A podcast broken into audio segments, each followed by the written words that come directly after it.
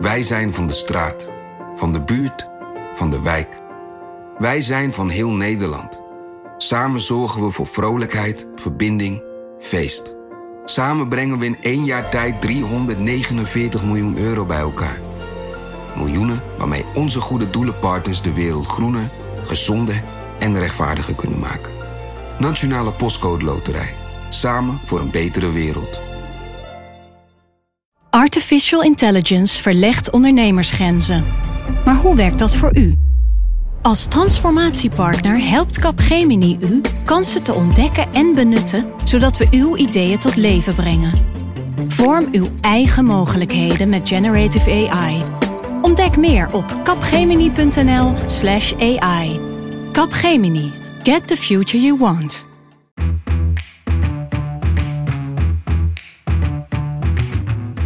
Dit is Haagse Zaken van NRC. Mijn naam is Lemia Aroa. Het is alweer drie maanden na de verkiezingen voor de Provinciale Staten. En de dagen na die verkiezing had iedereen het maar over één ding. Over die grote winnaar Forum voor Democratie. En in deze aflevering van Haagse Zaken gaan we het hebben over wat er in al die provincies gebeurde nadat jij je stem hebt uitgebracht. Na ruim tien weken van onderhandelen is er eindelijk witte rook. Het programma is klaar. We zijn eruit. Het CDA, de VVD, FNP en Partij van de Arbeid witte Hoedse Friesland de komende vier hier regeren willen. Gelderland heeft een, een, nieuw college van gedeputeerde staten. Limburg wordt de eerste provincie in Nederland waar de PVV en Forum voor Democratie gaat meebesturen. GroenLinks, D66, CDA, PvdA en de ChristenUnie nemen plaats in het nieuwe college van de provincie Utrecht. Het is goed dat radio is, dat je mijn wallen niet kan zien. Ja, het was best wel intens. Dus dat is, dan is het ook goed als zo'n periode een keer voorbij is. In 10 van de 12 provincies zijn ze zo goed als uitonderhandeld. In twee provincies lukte het niet, waaronder Zuid-Holland. Pim van den Dol, uh, daar klapte het afgelopen week weer. Ja, klopt. Uh, daar is de formatie eigenlijk helemaal terug bij af. Dus informateur Hans Wiegel, die namens Forum aan de slag ging, die heeft zijn opdracht weer moeten inleveren. Je hoorde hem al eventjes. Pim van der Dol zit bij mij dus aan tafel. Rick Rutte is er ook. Ja, je bent de politiek redacteur, volgt de formaties in uh, veel van de provincies en schrijft de Haagse Stemming, onze nieuwsbrief. Yes, samen met uh, collega Wouter van Loon doe ik dat. Staan we elke ochtend op, zodat we bij het uh, ochtendgloren het laatste nieuws uit, uit Den Haag kunnen brengen en vooruit kunnen blikken op de, de dag die, die komen gaat op het Binnenhof. Dat betekent dat we elke dag een nieuwsbrief in jouw inbox kunnen laten belanden waarin we vertellen wat er uh, de afgelopen dagen gebeurd is in de debatten, maar vooral ook in de wandelgangen met snippers die je niet altijd terugvindt in artikelen en vooruitblikken op wat je de komende dagen kunt verwachten in de, de spannendste debatten. Je kan je heel makkelijk inschrijven. Ik ga meteen genadeloos reclame dat, maken dat, nu ik dat, dat, kan doen. Ja. En dat kun je doen op nrc.nl slash de Haagse Stemming. Wie het nu niet doet is, uh, nou ja. Die is af. Clara van der Wiel, uh, redacteur Binnenland. Ik had ooit ook de eer om de Haagse stemming te mogen schrijven. Ja. Oh ja? Niet ja. meer, maar uh, ik mag tegenwoordig uitslapen. Maar ooit was dat. Uh, was dat ik heb het ooit één week gedaan. Oh, dit zijn echt allemaal wel. nou, willen jullie, wil je mensen nog overtuigen om zich ja, in te schrijven? Ja, het is ontzettend leuk. Zeker inschrijven, ja. Um, nu ben jij redacteur Binnenland, Clara. Klopt, ja. je schrijft heel veel over regiopolitiek. En uh, jij dook de afgelopen tijd in de tot nu toe gesloten coalitieakkoorden in de provincie. Klopt, dat heb ik uh, gedaan, ja. Wil je gewoon een tipje van de sluier twee titels noemen? Nou ja, ik heb inderdaad, het zijn, ze hebben allemaal prachtige titels, dus dat is moeilijk kiezen. Maar in ieder geval Drenthe mooi voor elkaar, uh, vind ik wel heel fijn. Um, je hebt ook Brabant kiezen voor kwaliteit. Groningen verbinden, versterken, vernieuwen. Dat is helemaal mooi. En in Noord-Holland gaan ze duurzaam doorpakken. Ik vraag me altijd af bij dit soort titels, wat nou als je het omdraait, weet je wel? Kiezen voor geen kwaliteit of... Onduurzaam ontbinden. en niet doorpakken. maar uh, oké, okay, daar, daarover uh, straks uh, meer. In deze aflevering hoor je dus waarom het lukt op sommige plekken om te formeren en op andere dus niet. Je hoort een formateur over hoe dat proces nou precies gaat. En je hoort ook waarom die formaties steeds langer duren en hoe politiek steeds meer intrede maakt in de provincie. Uh, beginnen eventjes op 21 maart. Dat is de dag na de Provinciale Staten en waterschapsverkiezingen. Dan zijn de stemmen geteld. Het is duidelijk wie de grootste partij is. Rick, en dan? Ja, vervolgens moet er een eh, informateur worden aangewezen. De informateur, dus de allereerste verkenner die aan de slag gaat, gaat kijken wat er nou eigenlijk uh, gebeuren moet. Die weet hoeveel zetels er zijn en die kan beginnen met kijken bij die partijen, gaat met ze praten, gaat ze vragen wat voor hen echt belangrijk Mhm. is, of er andere partijen zijn met wie ze heel graag willen samenwerken of vooral niet willen samenwerken. En komt vaak dan aan het eind van nou, zeg een paar weken met een, eh, een rapport, een advies voor een, eh, een college. Vervolgens komt er niet een informateur, maar een formateur, of soms zelfs twee. En die gaan dan met die partijen echt een coalitieakkoord uitwerken. En er zijn er sommige provincies en er zijn er twee formateurs bijvoorbeeld. Hoe werkt dat? Ja, vaak zie je dat dat bijvoorbeeld gebeurt als, eh, als er twee partijen heel groot zijn geworden. Of je, je ziet het als er een, eh, een hele moeilijke uitslag ligt. In Limburg eh, waren er grote winnaars op links en op rechts. De Partij voor de Dieren had gewonnen, maar ook Forum was heel groot binnengekomen. Toen is Ger Koopmans van het CDA is daar om tafel gaan zitten samen met Geert Gabriels. Dus een lokale politicus die op de lijst stond voor de provincie voor GroenLinks. Om maar aan te geven aan de, de statenleden ook. We hebben hier... we houden alle opties open. We willen iedereen eh, meenemen in ons advies. En toen ze vervolgens zijn gaan formeren, is daar weer een andere naam bijgekomen. Namelijk die van Karen Strauss. Dus ook daar weer om te laten merken. Het CDA is de grootste geworden. Maar het CDA is niet de enige partij die wil bepalen wie er straks de, de gedeputeerden gaan, eh, gaan verdelen. En welke partijen straks Limburg gaan besturen. Is het nou een eh, eh, ongeschreven regel dat de grootste partijen die, die, die informateurs mogen aanwijzen? Of is dat gewoon de regel? Ja, je, je zag dat er wel wat onduidelijkheid over ontstond, deze, deze formatie. Omdat soms werd een partij amper de grootste, hadden ze evenveel zetels als de nummer twee, of scheelde het niet zoveel. En je zag dat vooral bij Forum voor Democratie, helemaal nieuw in de provincie. En die kwamen in een aantal provincies dus met kandidaten die ze vaak ook bewust juist niet uit de eigen gelederen haalden. Maar ze gaven gewoon een belletje aan eh, Hans Wiegel bijvoorbeeld, Ja. VVD-corrivee. Of eh Annemarie van Gaal, eh telegraafcolumnist en ondernemer. Juist mensen die helemaal niet bekend staan als leden van Forum. En dat zijn ze ook niet. En vaak zag je dan dat ze in de provinciale staten aan hun collega's dat probeerden te presenteren als iemand die ook naast, namens iedereen aan de slag ging. Van hè, we, dit is niet iemand van Forum, maar iemand die hier voor ons allemaal staat. En dan zei de andere partij, nou leuk, sympathiek dat je dat wil proberen, maar laten we wel onthouden dat jullie gewoon de grootste partij zijn en diegene staat er wel namens jullie.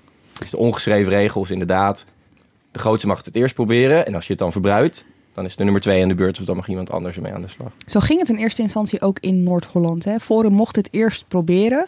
Daar, eh, ik weet even niet meer in mijn hoofd wie dat precies was, maar de informateur van. eh, Nou, daar ging al meteen heel veel mis zelfs. Want we lazen al eh, in die eerste week dat, eh dat Forum met heel veel bombarie eh, Paul Scheffer aankondigde als eh, de informateur. Die zou gaan verkennen.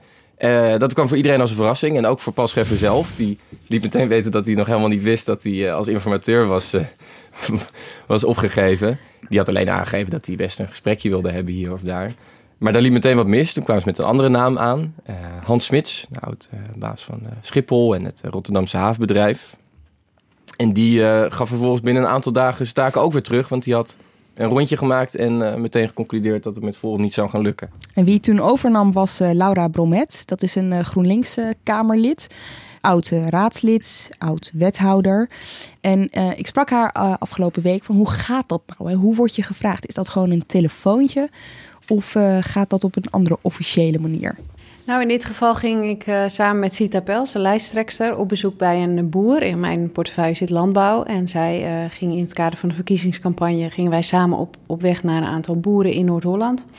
En we zaten in de auto en toen zei ze... zou jij het eh, leuk vinden om informateur te worden als dat aan de orde is? En toen dacht jij? Yes.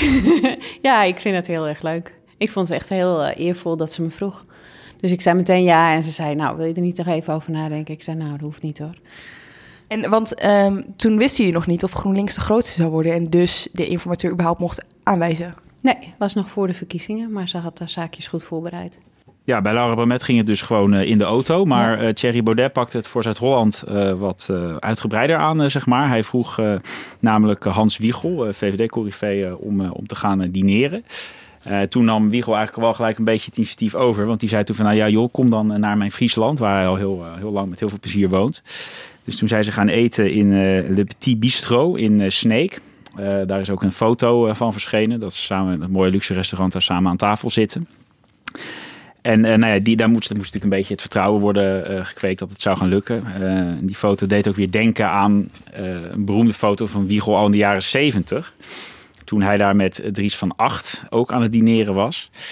En daar zaten ze toen samen ook een heel gemeens plannetje te smeden om de PvdA toen bij de formatie buitenspel te zetten. Dus nou ja, deze foto moest uit, ook uitstralen van nou, Hans Wiegel die is iemand die, die gaat het wel laten slagen.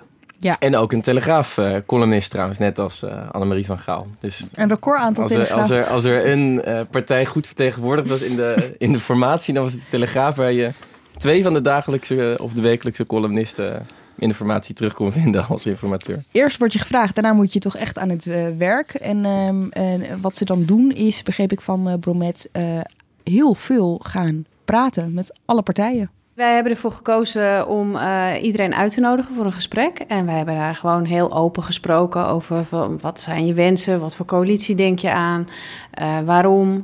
En uh, ja, het waren hele leuke gesprekken met allemaal bevlogen politici. En ja, daaruit volgde al, al snel één conclusie, namelijk dat, dat er een brede coalitie mogelijk was met PvdA, GroenLinks, D66 en VVD.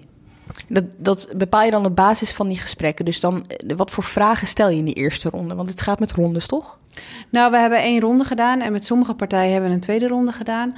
Nou, en dan stel je de vraag van hoe kijk je naar de verkiezingsuitslag en wat zie je uh, voor rol voor jezelf, maar ook heel inhoudelijk. Dus wat wil je voor elkaar krijgen als je in een bestuur komt en welke concessies ben je bereid om te doen? Even heel praktisch en dan maak je dan een soort van gespreksverslagen van en dan ga je beginnen met puzzelen. Nou, ja, nou, puzzelen is een heel groot woord in de informatiefase hoor. Je, er worden verslagen van gemaakt en die zijn ook vertrouwelijk, want iedereen moet kunnen zeggen wat hij wil. Dus uh, dat hebben we ook zo gedaan. En uh, ik was natuurlijk met een informateur van VVD-huizen. Dus uh, het was wel de bedoeling dat VVD en GroenLinks de basis zouden vormen van deze coalitie. En, wel, en we hebben gekeken welke partijen passen daarbij. Nou, dan is je taak dus afgerond als informateur en dan ga je als formateur verder, leggen ze uit. En dan komt het ook neer dat je dan gaat denken, oké, hoe komen we tot een coalitieakkoord? Dus hoe kunnen we niet alleen maar, uh, je hebt de partij al bij elkaar, dan moet je ook tot plannen gaan komen. En dat ging bij haar eigenlijk aan het begin helemaal mis. Ik dacht, uh, je moet eerst een, een, soort ontspannenheid krijgen bij de partijen. Uh, dat je elkaar aardig vindt en dat je elkaar wat gunt. Dus wij hebben geprobeerd uh, met een sessie, uh, die werd geleid door de Argumentenfabriek, uh, een, een, gezamenlijk verhaal op te stellen, nog voordat er onderhandeld werd. En ik moet eerlijk zeggen dat dat gewoon totaal mislukte. Er was, Waar lag dat aan? Nou, dat lag eraan dat, dat, dat, dat partijen gewoon wilden onderhandelen. En die wilden helemaal niet, sommigen wel, sommigen wilden, zoals GroenLinks, die zei we gaan het heel anders doen dan dat het in de afgelopen jaren gebeurd is. Maar zo'n partij als VVD, die vond het moeilijk. Die, die vond het heel moeilijk om te wennen aan een nieuwe werkwijze. Terwijl in een oude werkwijze hadden zij natuurlijk voor het zeggen. En nu werden ze overgelaten aan een uh, formateur van GroenLinks Huizen... die dus een sessie had over een gezamenlijk verhaal. En we zijn ook nog uit eten geweest met z'n allen. Uh, maar ik merkte tijdens het etentje, wat heel informeel moest zijn... al dat dat totaal, dat iedereen echt in de, in de, in de onderhandelingsstand stond. En ik moet eerlijk zeggen dat op het moment dat we echt gingen onderhandelen... dus dat we gingen inventariseren van over welke onderwerpen willen wij afspraken maken met elkaar, dat het toen echt pas ging, ging lopen. Nou, wat je dus vaak ziet in provinciale uh, politiek is dat er coalities ontstaan die niet heel vanzelfsprekend zijn. Dus dat de VVD bijvoorbeeld heel erg uh, eenvoudig ook zou kunnen samenwerken met de SP. Dat was de vorige periode ook echt in meerdere provincies het, het geval. Dat die twee partijen samen in een coalitie zaten. Nou, dat zie je landelijk, zie je dat niet zo snel voor je nee. natuurlijk. Nee. En het komt eigenlijk omdat uh, provinciale politiek gewoon veel minder ja, politiek is eigenlijk hè, dan de Haagse politiek. Het is, het is, er worden veel bredere akkoorden gesloten. Het, wordt heel weinig specifiek gemaakt. Het zijn meer ja, ambities, doelstellingen. En wat je ook ziet in de provinciale politiek is dat het eigenlijk een heel nieuw verschijnsel is. Dat er überhaupt formateurs en informateurs aan de slag gaan. Oh ja? Ja, tot, uh, tot 2011 was dat eigenlijk helemaal niet zo gebruikelijk. Pas in 2011 kwamen die, uh, die informateurs kwamen, uh, werden erbij gehaald om een coalitie te vormen. Daarvoor was het eigenlijk gebruikelijk dat de grote grootste partijen gewoon heel snel uh, andere partijen erbij vroeg. En hup, dan werd het coalitie gewoon voortgezet. Um, het waren ook veel vaker afspiegelingscolleges. Hè? Dat betekent dat eigenlijk alle partijen die, nou ja, pak een beetje meer dan drie zetels hadden, gewoon automatisch dat college ingingen. Die gingen gewoon bij elkaar zitten en die gingen gewoon verder. Het was helemaal niet zo de bedoeling om dat heel politiek te maken. En uh, in 2011 en daarvoor ook al wel een beetje, zag je dat er steeds meer partijen eigenlijk in die provinciale staten kwamen. Dus het versplinterde, wat je, wat je nog steeds wel ziet. En de PVV kwam erbij hè, zeggen, in dus 2011. context, dat is zeker ja. ook een belangrijke eh, reden geweest. En vanaf toen werd het, ja, ging, werd het politieker. Gingen ze toch kijken van, nou, misschien moeten we ook die kleine partijen toch eens vragen van wat zij ervan vinden. En ja, werden er opeens eh, meer, eh, meer, ja, meer echt politiek bedreven in die provincies. Eh, en daarvoor zag je eigenlijk dat bijna in alle colleges zaten gewoon VVD, CDA en PvdA. Standaard. Gewoon. Ja. Dat was, was gewoon geen, geen kwestie van, eh, van dat er iets anders zou gebeuren. En de neiging om echt ook eh, tot in detail afspraken te maken hè, voor de komende vier jaar, dat zat er dus ook wat minder in. Nou ja, dat is nog steeds weinig zo hoor. Dus het is, het is, het is wel iets politieker geworden, maar daar komen we zo nog wel even op. Als je die akkoorden leest, heel algemeen. Ja. En het, is, het, is, het wordt, gaat weinig de diepte in. Ja, Rick, ehm, als je kijkt naar de coalities die nu wel zijn gelukt hè, dit jaar tijdens deze formaties, eh, wat valt je dan op?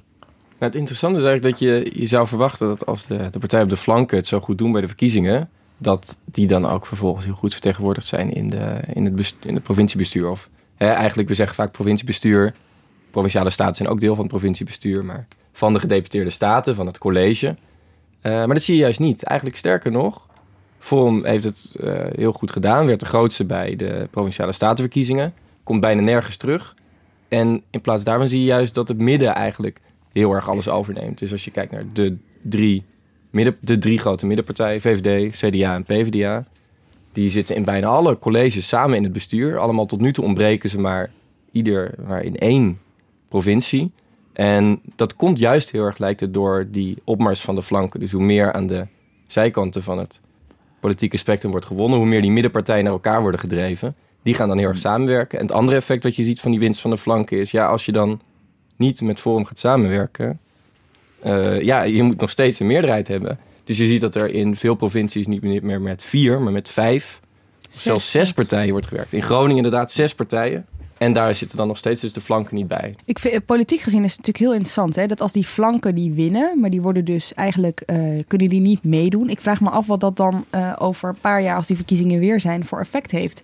Want mensen die uit een soort van protest eh, hebben gestemd op die flankpartijen, die zien nu gebeuren, dat zie je wel. Eh, er gebeurt niks met die stem. Zo zou je het kunnen zien. eh, maar bij de provinciale statenverkiezingen is het natuurlijk wel zo dat heel veel mensen daarvoor hun stem bepalen op de eerste, eh, richten op de Eerste Kamer. Hè. Er zijn maar heel weinig mensen die echt provinciaal stemmen. Dat is maar een beperkt aandeel van de mensen. Dus in die zin kun je je afvragen of mensen nou ook echt iets verwachten van Forum voor Mhm. Democratie in hun provincie bijvoorbeeld. Hè. Want ja, wat, wat, wat kunnen ze daar helemaal uithalen? Ik denk toch dat de meeste mensen die op Forum of op any partij hebben gestemd, dat vooral deden om, om een bepaalde stem in de Eerste Kamer te laten gelden. Nou werd Forum vanuit niets het grootste, Clara. Zitten ze overal wel in de top drie hè, qua grootste partij in alle provincies. Ehm, ik kan me voorstellen, moet je ineens een heleboel statenleden paraat hebben die voor jou politiek actief eh, worden. Jij hebt gekeken naar wie dat zijn. Ja, ik samen met collega Dirk Stokmans heb ik alle eh statenleden van eh, Forum eh, enige tijd geleden al, al doorgelicht. Of ja, in ieder geval op openbare informatie die over hun beschikbaar was. En wat je bij Forum wel zag, is dat ze het vrij professioneel hebben aangepakt in aanloop naar die verkiezingen. Dus Mhm. ze hebben best wel een, een, een ja, professionele scouting gedaan met wie er dan wel en niet in, voor hun in de staten zou komen. En wat opvalt bij Forum is allereerst dat het heel veel mannen zijn.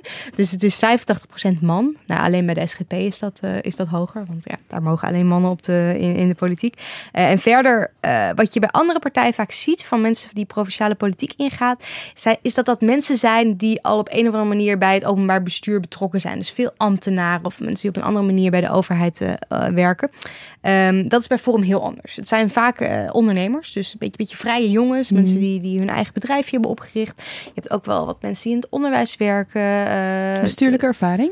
Nauwelijks, nauwelijks. Wel wat ervaring bij, ehm, bij andere politieke partijen, vaak lokale partijen, maar ook eh, mensen die van de VVD komen, iemand van D66, eh, eh, CDA ehm, ook iemand. Dus het- ze komen een beetje van, vanuit alle hoeken en gaten van de samenleving, maar dat, dat die ondernemers, dat, dat zie je wel heel duidelijk in die, in die staatsleden terug. We zien dat de duur van deze formaties echt best wel lang duurde. Hè? Ik bedoel, eh, we, een aantal provincies komen nu pas tot een eh afronding. Ja, nou ja, je kunt, kunt, we zitten al in eh, half juni en in, eh, in 2015 waren meerdere provincies echt eh, binnen een maand klaar. En in 2011 waren eigenlijk alle provincies al na anderhalve maand klaar. Ja, ongelooflijk. Ja, en nu, uh, ja, we zijn al drie maanden, wat is het, drie maanden drie verder, maanden. toch? Ja. Hoe komt dit? Hoe, wat is dat? Ja, dat is heel simpelweg vanwege de grote winst van Forum voor Democratie. En de, de enorme hete aardappel dat dat voor alle andere partijen is geworden eigenlijk. Want er speelden een paar dingen mee in deze campagne. Hè. Het ging veel over klimaat, wat sowieso een polariserend uh, thema is, zou je kunnen zeggen. De opkomst was een stuk hoger dan, uh, dan uh, een paar jaar geleden. zijn dat nou allemaal factoren die mee hebben gespeeld? Ja, het is, het is goed om een nuance te maken hè, bij die opkomst. Want die was inderdaad dit jaar heel hoog, dus 56 procent. Die lag een stuk hoger dan in, in, bij de vorige provinciale statenverkiezingen. Maar die daarvoor, dat was dan net als deze editie weer een, een flink opgehypte verkiezingen. We hadden toen het, uh, het kabinet Rutte 1 met gedoogsteun van de PVV. Ook dat zorgde dat heel veel mensen naar de stembus gingen. Dus je ziet dat die landelijke invloed er altijd wel is. Wat wel opvalt is dat je nu ook zag dat die landelijke invloed heel erg doorbleef echoen nadat de verkiezingen voorbij waren. En dat die zich niet meteen alleen richt op de Eerste Kamer. En wat betekent dit nou voor de Tweede Kamer bijvoorbeeld? Tegelijk waren dit ook denk ik meer provinciale verkiezingen dan ooit, omdat het klimaat ook heel erg een thema van de provincies is. He, dus uh, het kabinet is straks ook bij de uitwerking van het klimaatakkoord heel erg afhankelijk van de provincies en de gemeenten. Dus ja, aan de ene kant uh, was dit ook, ging het ook heel erg veel over, over provinciale thema's door het klimaat. Ja, maar Rick, jij noemt dus nadrukkelijk ook wel uh, Forum hè, als factor waarom die formatie zo lang duurde. Eigenlijk, Forum stelde zich in eerste instantie wel in als een soort als een partij die graag mee wilde doen. Ja, klopt. En dat was zeker na zo'n heftige verkiezingscampagne waarbij de partij flink met elkaar konden clashen. Ook juist wel een, een ander geluid dan je hoorde in uh, Den Haag. Je merkte ook meteen dat ze zich er veel aan gelegen voelden om duidelijk te maken dat zij niet hetzelfde waren als de, de, de Haagse afdeling van, van Forum. Dat zij echt een provinciale club waren. Elf nieuwelingen van Forum betreden vandaag de Statenzaal. Ze zijn hier voor het officiële moment, de installatie. De heer Roos dat verklaar en beloof ik. De forumleden hebben er zin in. Positief gevoel, we gaan er echt wat moois van maken. We willen het partijkartel openbreken, daarvoor zijn we opgericht. En daar gaan we nu mee aan de slag. En de enige dame in het gezelschap heeft ballen. Ik uh, wil niet de excuustruus zijn, ik ben one of the guys. Aan het werk dus. Het verwijt dat Forum alleen aan de provinciale statenverkiezingen heeft meegedaan om voet aan de grond te krijgen in de Eerste Kamer is overdreven. De statenleden zijn gemotiveerd. Als je eenmaal op die lijst komt, dan ga je het ook serieus nemen. En dat doen we ook. Dus we hebben daar ons ingewerkt op de provincie. Inclusiviteit en, en verbinden, dat doe je met elkaar. Maar heeft u het gevoel dat u uitgesloten wordt op voorhand al? Nee, helemaal niet. Ik vraag, geef ons een kans. Oké, okay, geef ons een kans. Werden ze uitgesloten van tevoren al? Uh, nee, zeker niet. Nou ja, tenminste door een paar partijen waarschijnlijk wel. Of die mm -hmm. gaven al in het begin aan uh, dat ze per se niet met Forum wilden gaan onderhandelen. In Zuid-Holland bijvoorbeeld. God dat voor GroenLinks, voor D66. Uh, maar in Zuid-Holland werden ze, werden ze op zich wel echt serieus genomen door, door veel partijen. En uh, wat je ook bij heel veel partijen met wie ze uiteindelijk hebben gesproken hoorde, is van nou ja, wij vonden die lokale FVD'ers, hè, dus de, de, de fractie uit Zuid-Holland ook best wel hele redelijke mensen, betrouwbare mensen, hebben we hele goede gesprekken meegevoerd. Dus in dat opzicht uh, ja, werden ze ook wel serieus genomen volgens mij. Ja, ze hebben dan ook allemaal hun eigen introductiedagen. Hè? Dus als ze dan voor het eerst samenkomen, dan gaan ze bijvoorbeeld samen de hei op of op een bootje of in... Noord-Brabant ging ze allemaal in een hotel zitten, geloof ik. In uh, Flevoland hadden ze een, uh, een weekendje weg waar ze dan uh, alle zichzelf gingen dan. voorstellen. Ja, precies. Ja. Alle statenleden. Ja. Maar ook liedjes zingen om, die, die, die iets konden vertellen over zichzelf en een beetje hun levensverhaal delen met de rest. Nou, je merkte dat het, iedereen eigenlijk wel open stond voor elkaar. Wat voor liedjes? Klaar en ik hebben gesproken met Gert-Jan Rassijn, de, de lijsttrekker en de fractieleider van Forum. het repertoire hebben gehad. kan ik me niet van niet meer uh, Boudewijn de Groot was Ach. het. En Hoe dan de, zijn cover van, uh, van Bob Dylan. Die, uh, die lag hem wel het meest. Uh, het, oh, het worden andere tijden. Ja, Precies. Ik herinner het me weer. Ja. En wie niet wil verzuipen is wijs als hij zwemt, want daar komen andere tijden. Nou, dat is uitgekomen, deels. Oké, okay, want jullie hebben een paar van die statenleden dus gesproken over die eerste periode. Zeker, ja. Ik weet bijvoorbeeld, ik weet dat ze in Den Haag in de Van den Valk uh, bij elkaar kwamen. Dat we kennismakingsspelletjes hebben gedaan. Ja. Een beetje teambuilding dus aan het begin. Leek erop dat uh, Forum dus ook uh, meedeed. En uh, Riks waren ook wel bereid om het compromis te sluiten. Dus echt serieus mee te onderhandelen.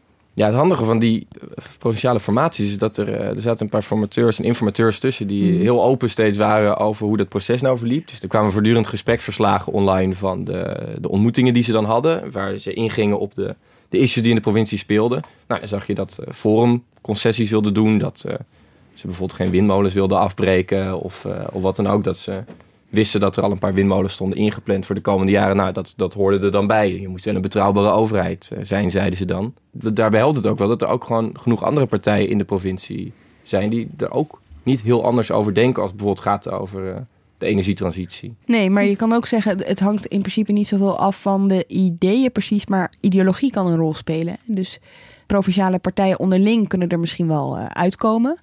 Uh, maar ik vraag me dan af, zal, uh, zullen landelijke partijen hebben die daar dan ook een beetje invloed op? Nou, dan kom je eigenlijk aan bij de, de grote kluif van de, de provincieformaties van 2019. Is dat er een groot gat soms kon gapen tussen wat er in de provincie gebeurde en wat er Mm. landelijk gebeurde. Misschien dat je dat wel het best kon zien in uh, half april. Toen klapte in één week tijd drie formaties. In Overijssel, in Flevoland en in uh, Zeeland. En in al die provincies kwam Forum daardoor bij het spel te staan. In al die provincies stonden ze er goed voor. Ze zouden gaan samenwerken met de PvdA bijvoorbeeld. Nou, vooral bij de PvdA ging dat fout. ChristenUnie voelde zich er ook niet meer lekker bij. En binnen een week tijd, terwijl ze soms al, uh, ja, zelfs al gedeputeerden naar voren hadden geschoven. In Overijssel waren ze al zo ver. Nou, ondanks alles ging het in één keer fout en klapte dat dus allemaal. En, in, en je zag ook bij die fracties dat zij ook belden met Den Haag. Hè? Dus uh, ze zijn inderdaad natuurlijk autonoom, maar ze hadden wel contact. Ze hadden ook wel contact met de partijleiding. Uh, met Zegers als ChristenUnie of met Ascher als PvdA. Daar werd natuurlijk wel overlegd. Ja, want die landelijke partijen die zitten er ook mee een beetje in hun maag. Hè? Die zeggen hier dan van, nou ja, die, die, die provinciale partijen uh, die zijn soeverein, zeg maar. Die mogen natuurlijk voor zichzelf beslissen. Maar het betekent niet dat uh, wij ze niet van advies kunnen voorzien. Of hè, af en toe vragen die partijen zelf om uh, advies. Van kunnen we hier nou het best mee omgaan? Maar het kan zijn als het om ideologische tegenstellingen gaat, dat partijen hier zeggen van moet je dat nu wel gaan doen of niet? Ja, ja het was een heel dubbel gevoel. Want niet alleen wilden ze die provinciale fracties soeverein laten, ze vonden zelf het ook moeilijk om Forum bijvoorbeeld van tevoren uit te sluiten. Waardoor ze de provinciale fracties wel in zee lieten gaan met Forum, lieten onderhandelen, soms heel dichtbij een akkoord lieten komen. En toen op het allerlaatst toch lieten merken aan hun eigen fractie: hé, hey, dit voelt toch niet helemaal goed bij ons? Heb je wel door waar je mee bezig bent? Heb je door hoe dit op ons afstraalt? Een goed voorbeeld daarvan is uh, Zuid-Holland. Daar uh, werd dat heel erg concreet. Op een gegeven moment tweet uh, Thierry Baudet een video. Uh, waarin allerlei vrouwen zich uitspraken over uh, verkrachtende en moordende uh, immigranten, vluchtelingen. En dat eindigde dan met foto's van, Pim, wie waren dat? Jette, Rutte en Klaver. Ja, en er stond dan een tekst. Ik habe es gewusst. Precies, en dat deed echt heel veel stof opwaaien. Bijvoorbeeld bij de ChristenUnie. Vooral toen uh, Baudet het voor een tweede keer uh, ging, uh, ging twitteren. Nou, je kan je voorstellen, bij de achterband van de ChristenUnie is samenwerken met Forum sowieso al niet voor iedereen even vanzelfsprekend. Dat, dat, ja, dat nam al wat onrust met zich mee. Ja, en op zo'n moment wordt er dus ook vanuit topniveau binnen de partij gesproken. Tussen die partijen. Hè. er was een gesprek tussen Baudet en, en Segers. Dat stond al langer, dat was gewoon een koffiegesprek. Maar daarin komt zoiets ook te sprake van: ja, is dit wel handig? Moet je dit wel uh, doen? Dus je hoort hier van, van landelijke fractievoorzitters van uh, die provincies mogen het zelf weten, maar er is wel degelijk contact. Uh, laat ik het zo zeggen. En dat, dat vind ik wel interessant als er zo'n partij als Forum opkomt, die, die hier wat lastig ligt in Den Haag. Uh, heeft het dus wel degelijk invloed. Nou ja, sterker nog, zelfs de lokale uh, FVD-man Rob Roos... die uh, baalde op dat moment van het, van het filmpje van Baudet. en die heeft ook nog tegen de Telegraaf gezegd van... nou ja, ik heb uh, Thierry ook laten weten van... ja, dit, dit zit me echt in de weg. Maar ja, het kwaad is nu al geschied. Dus je zag net op dat moment dat, dat die formaties uit Holland... eigenlijk langzaam de, de verkeerde kant op ging. Ja, die, uh, die andere fracties werden natuurlijk beïnvloed door de, door de landelijke partijtop. Maar dat zag je natuurlijk ook wel bij, uh, bij Forum. Die provinciale lijsttrekkers, die zag je ook voortdurend in de weer om toch uit te leggen dat het niet hun woorden waren. Maar tegelijkertijd wilden ze ook weer niet uh, hun eigen partijleiding natuurlijk verketteren. Ja. En dat zag je misschien wel het best in Flevoland. Daar waren ze dus best ver. Met onder andere de PvdA en Forum. En toen kwam de PvdA met een brief waarin ze vroegen... ja, we willen voordat we verder gaan eisen we van jullie dat jullie afstand nemen van allerlei verschillende standpunten. In Zeeland uh, kwam er ineens een vraag van de PvdA op over het Nexit-standpunt. En die lijsttrekkers die dachten volgens ja, we willen hier best wel afstand van nemen... maar we willen ook niet doen alsof het totaal niet onze partij is. En eigenlijk kun je ons niet afrekenen op die woorden. Dus was, maar was dat, dat nou een gecoördineerde actie? Omdat dat op, op zoveel plekken tegelijkertijd vanuit de PvdA ging? Ja, dat, dat kunnen we niet zeggen. We weten dat de officiële reden steeds net iets anders lag. Dus in Flevoland was er een brief met de vraag om afstand te nemen. In, eh, in Overijssel eh, kwamen de klachten uit de achterban en waren ze zelfs al de informatie in, ingegaan. Dus ging het heel erg snel, of stonden ze op dat punt. En in Zeeland uh, ze voor het afbreukrisico. Dus dat zou dan gaan over dat er geen gedeputeerde zou klaarstaan. Of dat de kans heel groot was dat de meerderheid die ze hadden zo broos was dat als er maar één iemand zou vertrekken, dat hij uiteen zou vallen. Hè. We hebben natuurlijk ook al die verhalen gehoord over de statenleden van Forum voor Democratie die maar net de, de zetels konden vullen, dat er geen Mhm. reserves klaar stonden. Ja. Maar tegelijkertijd, dit gebeurde allemaal binnen één week. Het was steeds de PvdA die zich terugtrok. We weten dat zo'n partij ook praat met, met de landelijke leiding. Ja. Natuurlijk, het is ook logisch eigenlijk dat een partij praat met de, de landelijke partijleiding. Want we zien ook dat het afstraalde. Vanaf het begin zag je dat al. Toen in Noord-Holland eh, Forum en de VVD uit elkaar eh, ploften na een paar dagen in die eerste informatiepoging. Toen stonden de camera's hier meteen voor de neus van Dijkhoff en Baudet op het Binnenhof. Waar het wel lukte voor de Forum is eh, Limburg. Daar zitten ze nu eh, in een college, een extra parlementair provinciebestuur, moet ik eigenlijk zeggen, samen met de PVV erbij. Ja, die gaan daar vernieuwend verbinden. Volgens het, het coalitieakkoord nog een mooie voor op de, de lijst van Clara. Ja. En de, de, partijen die dat, eh, de, partijen die dat gaan doen, dat, die vormen dus niet een, een college als elders. eh, Zoals je dat ook met een kabinet zal zien. Een paar partijen komen eh, samen en die, eh, die leveren dan allemaal gedeputeerden. Nee, ze hebben afspraken gemaakt waarbij ze de officieel alleen afspraken maken over de gedeputeerden. En eigenlijk steeds een wisselende meerderheid zoeken in de, in de provinciale staten. Dus alsof je eh, eigenlijk een zakenkabinet zou neerzetten in, eh, hier op het Binnenhof. En dan voor elke wet of voor elk voorstel weer net zou zoeken naar een andere meerderheid in, eh, ja, in de Tweede Kamer. De werkelijkheid is net iets anders. Is Oh ja? Dat het, is dat het eigenlijk gewoon vier partijen zijn. De VVD, CDA, Forum voor Democratie en PVV. Die er samen uit zijn. Die genoeg zetels hebben voor een meerderheid. Maar die zich er net niet toe wilden zetten om samen een college te vormen. Vooral een deel van het CDA voelde zich daar niet, niet prettig bij. Er was echt, eh daar zag je onrust over in de partij. Er werden opiniestukken geschreven. Er was intern gedoe over. Pro- Partijprominenten die zich daar dan tegenkeren. En er zat wel een CDA-formateur daar aan tafel. Ger Koopmans. De partij was de grootste. Dus die Mhm. wilde wel iets doen.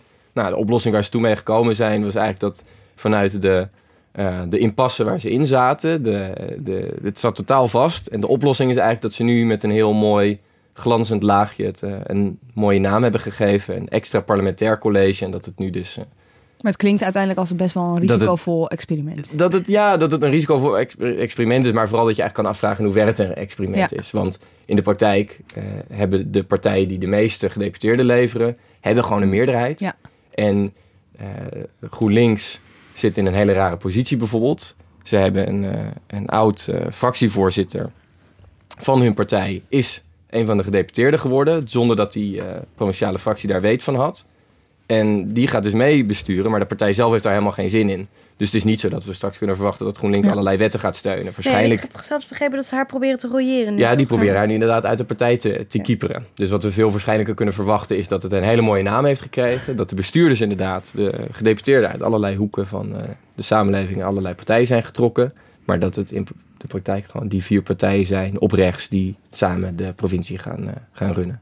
Eh, Terwijl ze daar een feestje aan het vieren waren, ehm, hoorden we dat het in Zuid-Holland toch niet was gelukt. Wat is daar gebeurd, Pim? Nou, daar zijn ze al drie maanden bezig, maar dus nog steeds zonder enig resultaat. Wiegel, hè, die ervoor was gevraagd, eh, zei op de eerste persconferentie die hij gaf, waarin hij zijn opdracht toelichtte, dat hij vond dat in ieder geval de grote winnaar Forum en de tweede partij, de VVD, in dat nieuwe college zouden moeten. En daaruit eh, volgt naar mijn gevoel een college van GS... waar de twee grootste partijen in opgenomen zijn... Forum voor Democratie en de VVD. Nou, toen moesten er uiteraard nog meer partijen bijgezocht worden voor, eh, voor een meerderheid. Ehm, want in de, de Staten van Zuid-Holland 55 zetels zijn er dan 28 nodig. Nou, VVD en Forum kwamen op 21. Eh, nou, het CDA bleek bereid om met Forum en VVD te gaan praten. Maar het zoeken van een vierde partij bleek heel lastig. Dus er kwam al snel een impasse. Toen besloten die drie partijen om uh, zelf alvast aan de slag te gaan. Dus uh, ze kozen in Zuid-Holland voor een soort van, van, van tussenvariant mm -hmm. uh, om uit die impasse te komen. Ze gingen met z'n drieën alvast een soort inhoudelijke verkenning schrijven, zoals dat dan heette. Is dat een soort basis, moet ik dat zo ja, zeggen? Ja, een soort, soort, soort, soort basisstuk, een soort visiestuk. met het idee dat daar dan daarna zeg maar mee verder kon worden gegaan. En andere partijen zich daarbij zouden kunnen aansluiten. Nou, daar deden ze dus weer een paar weekjes over. Dat was uiteindelijk klaar. Alleen, um, het had eigenlijk een beetje een averechts effect. Want vervolgens stonden de partijen niet, zoals ze misschien gehoopt of verwacht hadden, in de rij, in de rij om zich aan te sluiten. Want die andere partijen, ja, ook niet heel gek natuurlijk, die hadden het gevoel van ja, wij willen ook niet zomaar bij het uh, kruisje tekenen, zoals dat dan uh, werd gezien. Uh, nou waren die afspraken overigens die Forum, VVD en CDA hadden gemaakt ook nog niet heel concreet hoor. Um, Hoe zag dat eruit? Kun je zo nou, in die verkenning stond bijvoorbeeld... Um, wij zetten het belang van Zuid-Holland en onze inwoners en bedrijven voorop. Nou, nee, je niet. Ik denk dat daar... Er zijn maar weinig partijen die daarvoor willen tekenen. Ik denk dat daar, uh, dat daar iedereen wel bij komt tekenen. Vind ik heel vernieuwend. Maar, maar kijk, uh, dat is ook een beetje flauw, hè? Want, want er stonden ook al wat dingen in. Als bijvoorbeeld, we gaan bouwen in het groen als er binnenstedelijk geen ruimte meer is. We willen in principe geen extra windmolens op land. Dat heeft niet onze voorkeur. oké, Dus dat zijn wel principiële oké, Het was ook al iets concreter. Dus kijk, de, de vierde partij die dus in beeld was, eh, de gecombineerde fractie ChristenUnie-SGP, die kon ze aan de meerderheid helpen. Nou, die, die zat daar dus enorm over te twijfelen. Van ja, we willen eigenlijk dat dit stuk van tafel gaat. De ChristenUnie-SGP houdt het bij een toelichting op papier. ChristenUnie en SGP staan bekend als partijen die bereid zijn verantwoordelijkheid te nemen en het gesprek aan te gaan over coalitievorming. Maar zolang er een afgeronde inhoudelijke verkenning van andere partijen op tafel ligt, zien we niet voldoende perspectief om aan te schuiven. Nou, uiteindelijk wilden ze toch gaan praten. Maar dat, dat moesten dan ook nog weer verkennende gesprekken zijn. Dus nog geen echte onderhandelingen. Dus dat, in Zuid-Holland ging het allemaal heel uh, stapje voor stapje. Wat heel is het verschil tussen een verkennend gesprek en een onderhandeling? Nou, de, die, de verkennende gesprekken waren dus echt nog bedoeld om te onderzoeken of om uit te zoeken of er zeg maar voldoende vertrouwen was tussen de vier partijen. En dan met name dus ook tussen Forum, kan je zeggen, en ChristenUnie SGP. Om echte onderhandelingen over een akkoord te beginnen. En waarbij dat, dat hele stuk waar ik net uit citeerde dan op de een of andere manier... of dat dan nog een rol uh, kon Ja. spelen. Nou, toen uh, kwam eigenlijk wat we uh, net al hebben besproken ook. Hè? Het, het, het, het, filmpje en de tweets van, van Baudet kwam er nog eens helemaal tussendoor gefietst.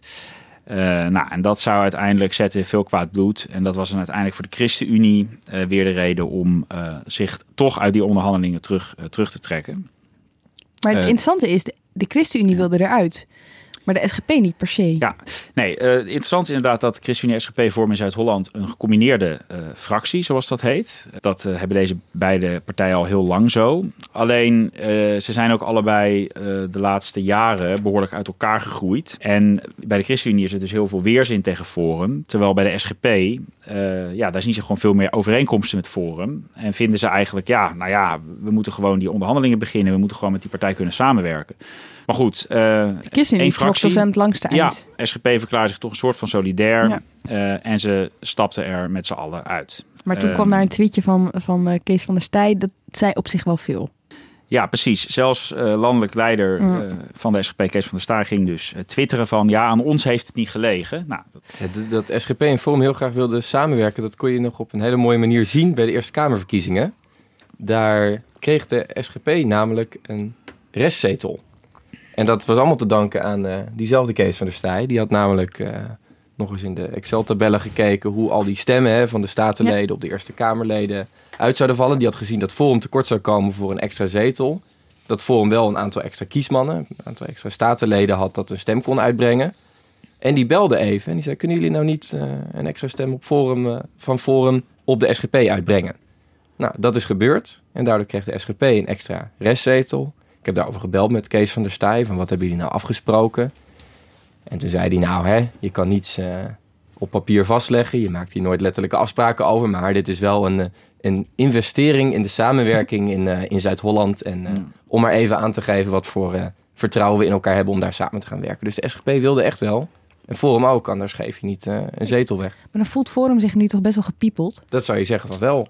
Ja, een beetje wel. Maar de, kijk, eh, de SGP heeft ook echt gezegd hè, door die tweet van de Staaij en, en dat, dat retweeten Baudet ook weer, dat zag ik wel. Dus die, die ja, ze nemen de SGP, kunnen ze het ook dus niet Nee. heel erg kwalijk Ja. nemen. Dat ze nou eenmaal een beetje vastzitten ook in die constructie met de ChristenUnie. Ja, echt gepiepeld door de SGP zijn ze natuurlijk niet, want de SGP heeft juist hard eh, zijn best gedaan. Ja, klopt. Maar ze zitten wel in een fractie met de. ChristenUnie en hebben aan het kortste eind getrokken. Dus ze hebben wel iets gekregen, maar zelf niet kunnen leveren. Overigens zag je na het mislukken van die gesprekken met ChristenUnie SGP gezamenlijk, wilde Wiegel hè, als foruminformateur zijn opdracht nog niet meteen teruggeven. Dus toen heeft hij nog eh, ongeveer anderhalve week geprobeerd van zijn er dan toch nog varianten te verzinnen met twee kleine partijtjes, eh, waarbij er toch nog een, een meerderheid is. Nou ja, eh, en toen is zelfs de SGP, dus alleen de SGP-statenleden uit die gecombineerde fractie, nog in beeld geweest om te gaan onderhandelen, samen met 50PLUS er nog bij. Maar dat zag uiteindelijk het CDA dan weer niet meer zitten, want dat zou niet een goede brede middencoalitie zijn. Ehm, Maar dat, dat het nu niet is gelukt, uiteindelijk is het het CDA geweest die heeft gezegd, Ja, we stoppen het, het CDA zei inderdaad eh, op het allerlaatst van Ja. wij eh, willen nu niet verder onderhandelen, omdat de enige optie die over is, dus eh, met vijf partijen en dan SGP 50 plus, dat vinden wij geen, ja, geen brede coalitie waar we ons prettig bij voelen, zowel qua samenstelling Ja. als qua wat er dan inhoudelijk mogelijk is. Eh, dus dat is de reden dat zij hebben gezegd, oké, wij zien het niet meer zitten. Ehm, Tot grote teleurstelling van eh, fractievoorzitter van eh, Forum voor Democratie, Rob Roos. Nou ja, weet je, dit is nog geen gelopen koers. Ik moet eerst nog maar zien dat, eh, dat, dat hier een, een bestuur komt. En ehm, maar ja, we hebben er wel eh, we hebben er alles voor gedaan. Ik, ik, meer, kan ik er ook niet voor doen. Als, als partijen één voor één elke keer weglopen, dan... eh, ja, wij hebben onze verantwoordelijkheid genomen. Het zou ook mooi zijn als eh, andere partijen dat ook een keer zouden doen. Ja, hij stond echt te neergeslagen bij ook. Hij was echt wel een beetje teleurgesteld. Ja, hij was overigens niet de enige. Wat interessant was, is dat ook de VVD eh, direct een verklaring uitgaf na het klap van die onderhandelingen. Van hé, hey, aan ons eh, heeft het ook niet gelegen, zeg maar. Eh, VVD en Forum hebben heel erg samen opgetrokken. Dat wilden zij weer heel erg uitstralen. Eh, dus ook de VVD zat echt te balen dat zij Forum niet in dit college kunnen Want nu trekken. moet ze Want, over links gaan zoeken. eh, ja, is de enige optie voor de VVD nog een, co- een, co- een college waarin eh, natuurlijk allemaal linksere partijen zitten. En waarin Forum op rechts de grote oppositiepartij wordt. We horen natuurlijk nu uit allerlei eh, hoeken en van allerlei partijen dat het eh, niet aan ons heeft gelegen. Tegelijkertijd, Klaar en ik hebben eerder al een keer een rondje gemaakt langs een aantal provincies. En toen merkten we dat het soms ook echt wel aan Forum voor Democratie heeft gelegen. Oh ja, vertel. Bijvoorbeeld in Friesland, daar eh, waren ze dus al samengekomen. Dat was eh, hartstikke goed allemaal. Daarover zei eh, Sander de Rauw van het CDA, die zei heel mooi, eh vatte die samen. Hè? De allereerste verkenning, de allereerste kennismaking was het eigenlijk wiskunde en scheikunde in één. Want dan heb je twee vragen. Heb je de aantallen voor een meerderheid en is er chemie? Nou, die was er. Er was een meerderheid, er was chemie. Ze begonnen Ze gebruiken wel echt een bepaalde taal in die provincies. Ja, ga door. Ze begonnen heel vernieuwend te verbinden. En eh, ze kwamen eigenlijk eh, er wel goed uit. Hè? Dit waren die partijen die, waarvan we eerder ook al zeiden... Van de, die hoefden ook niet grote windparken op land te bouwen. Daar waren ze ook geen fan van. Er was best wel wat eh, overeenkomst in die programma's te vinden. En ineens zaten ze in een tweede gesprek... om verder af te tasten wat ze nou nu gingen doen. En liet Forum ineens merken dat er allerlei... grote concessies waren die ze wilden krijgen van de andere partijen. Dat ze op een aantal punten toch heel erg hun zin wilden krijgen. Dat ze vonden dat er veel meer eisen. Ze legden ineens allerlei eisen op tafel die daarvoor nog helemaal niet op tafel Waarom was gelegd waren. Ja, we kunnen niet in het hoofd kijken van de, van de Forum eh, lijsttrekker in Friesland. Maar we hebben daar natuurlijk wel over gesproken met de andere partijen. En daar zei bijvoorbeeld de lijsttrekker en de onderhandelaar van de, de VVD dat, ja, dat, dat ze ineens de vraag stelden van wilden ze eigenlijk wel? En ook bij het CDA had men heel erg het idee dat, eh, dat er ineens een totale gevoelsmatige een stemmingswisseling was geweest ten opzichte van dat eerste gesprek. En- en de onderhandelaar, ze- Harry van der de Molen, die zei precies hetzelfde. Eh, waarom? Ja, dan vraag je je toch ook af of ook bij Forum niet er heel duidelijk vanuit eh, de landelijke partijen wordt meegepraat over wat er in de provincie gebeurt. Dat kun je daar heel duidelijk zien gebeuren. Klare zag hetzelfde gebeuren in Noord-Brabant, je zag het dus in Friesland. Dus het is, het is goed om te bedenken dat ook bij Forum natuurlijk landelijke en provinciale fracties de hele tijd met elkaar in overleg waren. Clara, waar ik aan denk, hè, jij liep hier rond toen ehm, ja, de huidige coalitie hier in Den Haag aan het formeren was. Als ik jullie zo hoor, dan hebben jullie echt superveel informatie, details ook, terwijl sommigen nog echt in het proces eh, zaten. Terwijl dat hier is dat echt helemaal anders. Ja, het is wel een beetje een gesloten oester hier altijd Ja. in eh, Den Haag als er geformeerd wordt. Maar goed, je, kunt, je hebt altijd wel dingen die uitlekken. Ja, misschien heeft dat ook wel met de professionaliteit van politie te maken. Kijk, het zijn natuurlijk allemaal wel gewoon deeltijdpolitici in de provincie. Dus die, eh, die laten misschien af en toe wat meer los. Ja, En dus merk, je, merk je dat ook in de media-aandacht? Ik bedoel, dat zijn ze misschien ook Ze niet zijn het niet zo gewend. Nee, zeker. Als, eh, als, eh, als je vanuit het NRC belt met een, eh, met een provinciaal politicus, dan is het toch altijd nog van: oh, nou wat leuk. Wat leuk dat jullie bellen. of wat, wat interessant. Wat, wa- wat wil je weten? Dus dat, dat vind ik eigenlijk heel erg leuk aan met lokale politiek bezig te zijn. Het zijn mensen die gewoon nog iets minder gemediatraind zijn, iets ja, vrijer vaak spreken. Ja. Jij hebt de afgelopen tijd dus al die coalitieakkoorden die er al zijn, ben je een beetje door gaan bladeren. Ja, klopt. Eh, ja, we hebben er nu in, eh, in acht eh, provincies is er al eentje. En in negen provincies is ook al een, een voorgesteld bestuur. Dus dat gedeputeerde de college. De gedeputeerden, dat zijn eigenlijk een soort van de ministers van de provincie. En die worden ehm, nu dan benoemd. En, en wat mij daar in ieder geval al wel in opviel, is dat, dat we van de negen provincies die nu al bekend zijn, eh, zien we dat het aantal gedeputeerden best wel toeneemt. Dus van de negen eh, provincies waren, die ik had bekeken, dat waren de vorige periode waren het er 44 eh, gedeputeerden en nu worden het er 60. Dus je ziet, daarin komt die versplintering ook tot uitdrukking. Ja? Omdat er meer partijen meedoen in zo'n college, groeit het aantal gedeputeerden ook. Iedereen wil een plekje hebben Ja, natuurlijk. precies. Laten we het eerst eens hebben over de thema's die belangrijk zijn voor die provincies. Ja, dat, dat is gewoon de thema's waar de provincie over gaat. En dat heeft heel veel te maken met mobiliteit, dus met infrastructuur, met wegen, met openbaar vervoer. eh, maar ook veel met woningbouw. Dus Mhm. waar gaan we bouwen? In het groen of in, eh, juist in de kernen? Er zijn provincies met een enorm woningtekort natuurlijk ook. Zeker, de meeste provincies hebben Ja. een flinke tekort. Dus die moeten echt gaan bouwen. En dan gaat het erom waar gaan we bouwen. Maar ook eh, duurzaamheid. Dus waar zetten we, hoe, hoe gaan we de energietransitie gaan we die vormgeven? En waar leggen we daar prioriteiten? Ja, in Utrecht hebben ze dit jaar dus helemaal anders gedaan tijdens die formatie. Tijdens het vormen van dat coalitieakkoord. Ze zijn daar met eh, meer mensen gaan praten dan alleen maar die partijen zelf. In een aantal meedenksessies bogen zo'n 200 Utrechters zich over die vraag. De antwoorden zijn belangrijk voor de vijf partijen die een coalitie willen gaan vormen. bestuurders, eh, beleidsmedewerkers, directeuren van maatschappelijke organisaties, van waterschappen, van eh, gemeentes. Alles is zo'n klein beetje langsgekomen. En die hebben afgelopen woensdag uitgebreid met elkaar zitten discussiëren van... Nou, dit is nou die strategische agenda, wat moet erbij, wat kan eraf... om daar het een en ander te gaan doen. Oké, dus zo pakken ze het aan in eh, Utrecht. Ja. Ik merk veel enthousiasme hier aan tafel. Ja, heel dynamisch. En dan levert dat dus uiteindelijk een coalitieakkoord op. Ja. We no- noemden net al een paar titels, daar kun je natuurlijk over, over lachen. Maar je hebt verder gekeken dan die titels. Ja. Waar komt het op neer? Wat staat, zie je, wat, wat valt je op aan die coalitieakkoorden? Nou, eh, wat, wat sowieso opvalt is dat het gewoon heel algemeen is. Het, is. het is niet zo dat er nou heel duidelijk wordt gezegd van dit, dit, dit, dit, dit gaan we de komende vier jaar doen. Het zijn echt gewoon brede lijnen. Wat ook grappig is als je die, eh, die akkoorden doorleest, dan staat er eigenlijk heel vaak van ja, we gaan door op het, ingezette beleid. Dat is eigenlijk een beetje wat de, vaak de centrale boodschap is. En dat zie je bijvoorbeeld, ik heb ook heel specifiek gekeken naar van nou, wat voor klimaatbeleid komt er dan eigenlijk in die akkoorden terecht. Hè? Want het waren natuurlijk echt de klimaatverkiezingen. Eh werd, werd zowel eh, eh, van beide kanten werd heel erg eh, campagne gevoerd van ja, meer klimaatbeleid, minder.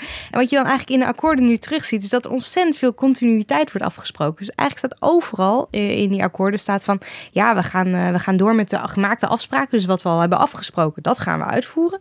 Maar meer ook niet. Dus het is allemaal vrij gematigd. Dat zie je dan nog verschil tussen rechtse colleges en linkse Min of meer een beetje, ja. Maar wat, wat, wat Rick net zei, is van dat juist door die, door die groei van die flanken, dat er juist het midden heel, heel erg bij elkaar klit hè, in, die, in die colleges. Dat zie je misschien ook wel een beetje terug in dat klimaatbeleid. Hè? Dus dat daardoor juist gaan ze een beetje door het midden. Er wordt steeds de nadruk gelegd van ja, er moet wel draagvlak zijn. We moeten niet te hard van stapel lopen. We willen wel windmolens, maar niet meer dan we tot nu toe hebben afgesproken. En we willen ook heel veel gaan kijken naar allerlei inno- innovatieve manieren. Dus waterstof en thorium, nou, dat soort dingen komen allemaal voorbij. Dus het wordt allemaal een beetje... ehm, ja, het is, het, is, het, is, het is een beetje enerzijds, anderzijds. Niet heel concreet, maar, nee. dat, maar dat lijkt me voor het politieke debat of voor de oppositie eigenlijk best wel goed nieuws. Want hè, hier in Den Haag wordt vaak geklaagd, alles is al dichtgetimmerd, dus je kan eigenlijk niks meer veranderen. Maar ja, als het eh, precies andersom is, dus Ja, dat zo'n klopt. Maar ja, dit- het, zijn natuurlijk ligt. vrij brede eh, coalities, waar soms Mhm. al vijf, zes partijen in zitten. En daarnaast bieden ze ook voortdurend de hand aan van ja, het is niet dichtgetimmerd. Dit zijn alleen maar lijnen die we nu uitzetten. Eh, in gesprek met elkaar gaan we uiteindelijk het beleid echt bepalen. Dus dat, ja, dat, dat zie je in alle provincies. Maar wat je net vroeg over links of rechtse colleges, dat zie je wel een beetje hoor. Want je ziet bijvoorbeeld dat in Utrecht, daar werd GroenLinks de grootste. En daar is een relatief links college gekomen zonder de VVD. Um, dat, daar, dat ze daar ook veel positiever zijn, bijvoorbeeld over de mogelijkheid van het plaatsen van meer windmolens dan al zijn afgesproken. Het is niet dat ze nu al meteen zeggen van nou we doen er 100 meer. Maar ze zijn geval niet zo, ze hameren niet zo op de gemaakte afspraken. En dat zie je ook in Groningen, waar ook een iets linkse college zit. Uh, in Noord-Holland, waar GroenLinks ook groot is geworden, uh, daar was uh, de VVD ook groot. Dus daar zie je ook duidelijk dat soort van compromis erin terug daar was altijd een beetje de vraag van... mag Amsterdam extra windmolens gaan neerzetten? Nou, nu hebben ze daar afgesproken, dat mag. Maar de rest van de provincie dan toch maar liever niet. Ja. Dus dat, ja, je ziet dat het een beetje schipper is tussen dat soort partijen. Ja. Dat compromis heb je trouwens ook in, in Overijssel. Niet zozeer over windmolens, maar eigenlijk het hele coalitieakkoord. Uh, Forum voor Democratie kwam daar dus toen ze al met één been in de, in de formatie stonden... kwamen die toch daaruit te liggen. En ik keek met de fractievoorzitter nog een keer naar het coalitieakkoord... en die zei ja, ja, als ik dit coalitieakkoord zo zie, dan zou ik zo mijn handtekening eronder kunnen zetten. Ja, dat, ik denk dat dat in meer uh, provincies het geval is. Dat, uh, inhoudelijk is er niet zo heel erg veel uh, waar, waarop Forum denk ik niet zou kunnen meedoen. Het is natuurlijk wel zo, hè, die provincies, de uitvoering van klimaatbeleid is een van hun belangrijkste punten. Maar het feit dat ze er nog niet zo concreet over zijn, kan natuurlijk ook liggen aan het feit dat hier de klimaatmaatregelen uh, nog niet door de Tweede Kamer zijn gegeven. Absoluut. En dat, dat ademen die coalitieakkoorden natuurlijk ook. De provincie is een belangrijke bestuurslaag, mm. maar het is vooral bestuur. Dus gewoon beleid uitvoeren. Ze maken weinig zelf. En je kunt je dus ook voorstellen, er gaat natuurlijk ontzettend veel klimaatbeleid vanuit uh, de landelijke politiek uh, het land op worden afgevuurd de komende jaren. En dat zullen die provincies ook moeten gaan uitvoeren. Dus in die zin kun je nog zo leuk met elkaar afspreken van nou, niet te snel, draagvlak. Als vanuit landelijk een opdracht komt om juist wel eens even flink tempo te gaan maken. Dan, heb je dan zou het ook nog best wel eens kunnen gaan knetteren in coalities waar uh, VVD en GroenLinks samen zitten. Want die moeten het dan gaan uitvoeren. En ja, uh, hoe, de, hoe ze dat gaan doen, dat, dat wordt dan toch uh, vanuit landelijk wel de druk erop gezet. En dat is dus interessant, want je zag dus de uh, verkiezingen zijn wat politieker. Uh, de formatie is uh, wat politieker, duurt ook langer. Nu gaat het echt gebeuren, omdat er vanuit landelijk dus ook maatregelen opgelegd gaan worden, juist op zo'n polariserend onderwerp. Ik zei het al als, als uh, klimaat. Betekent dit dat het volgen van uh, provinciale politiek de komende tijd dus ook uh, spannender wordt? Nou, wat je, wat je. Spannend, ja, spannend. Ik weet niet of je met rode oortjes in die provinciehuizen gaat zitten. Maar wat je wel waarschijnlijk gaat merken, is dat er, omdat er een stevigere oppositie is, bijvoorbeeld van Forum voor Democratie, dus dat die debatten gewoon meer gaan, gaan, gaan, gaan knetteren. Dus dat er gewoon meer spanning in die debatten komt. Debatten die, ja, het zijn niet de meest spannende debatten vaak. Ze duren ook vrij lang in de provinciepolitiek. Maar je, je kunt je voorstellen dat het wel inderdaad dat er meer spanning in die debatten komen. En zeker als er straks nog uh, ja, krachtiger klimaatbeleid vanuit landelijk komt. Wat die provincies toch moeten gaan inpassen in hun, op hun land. Dus dat er bijvoorbeeld meer windmolens moeten komen. Of meer zonnepanelen. Of uh, de huizen moeten nog sneller uh, omgebouwd worden. Dat je dan inderdaad meer spanning krijgt in het provinciehuis. Dat, Kijken die, of ze dan nog steeds zo duurzaam kunnen doorpakken. Ja, precies. En of het het vernieuwend verbinden dan nog stand houdt. Dat weet je niet. Politiek in de provincie. Ik heb er zin in, jongens. Dank jullie wel. Klare van de Wiel, Rick Rutte en Pim van den Doel. Dank ook weer voor het uh, luisteren. Deze podcast werd geproduceerd door Iris Verhulsdonk. Volgende week zijn we er weer. Tot dan.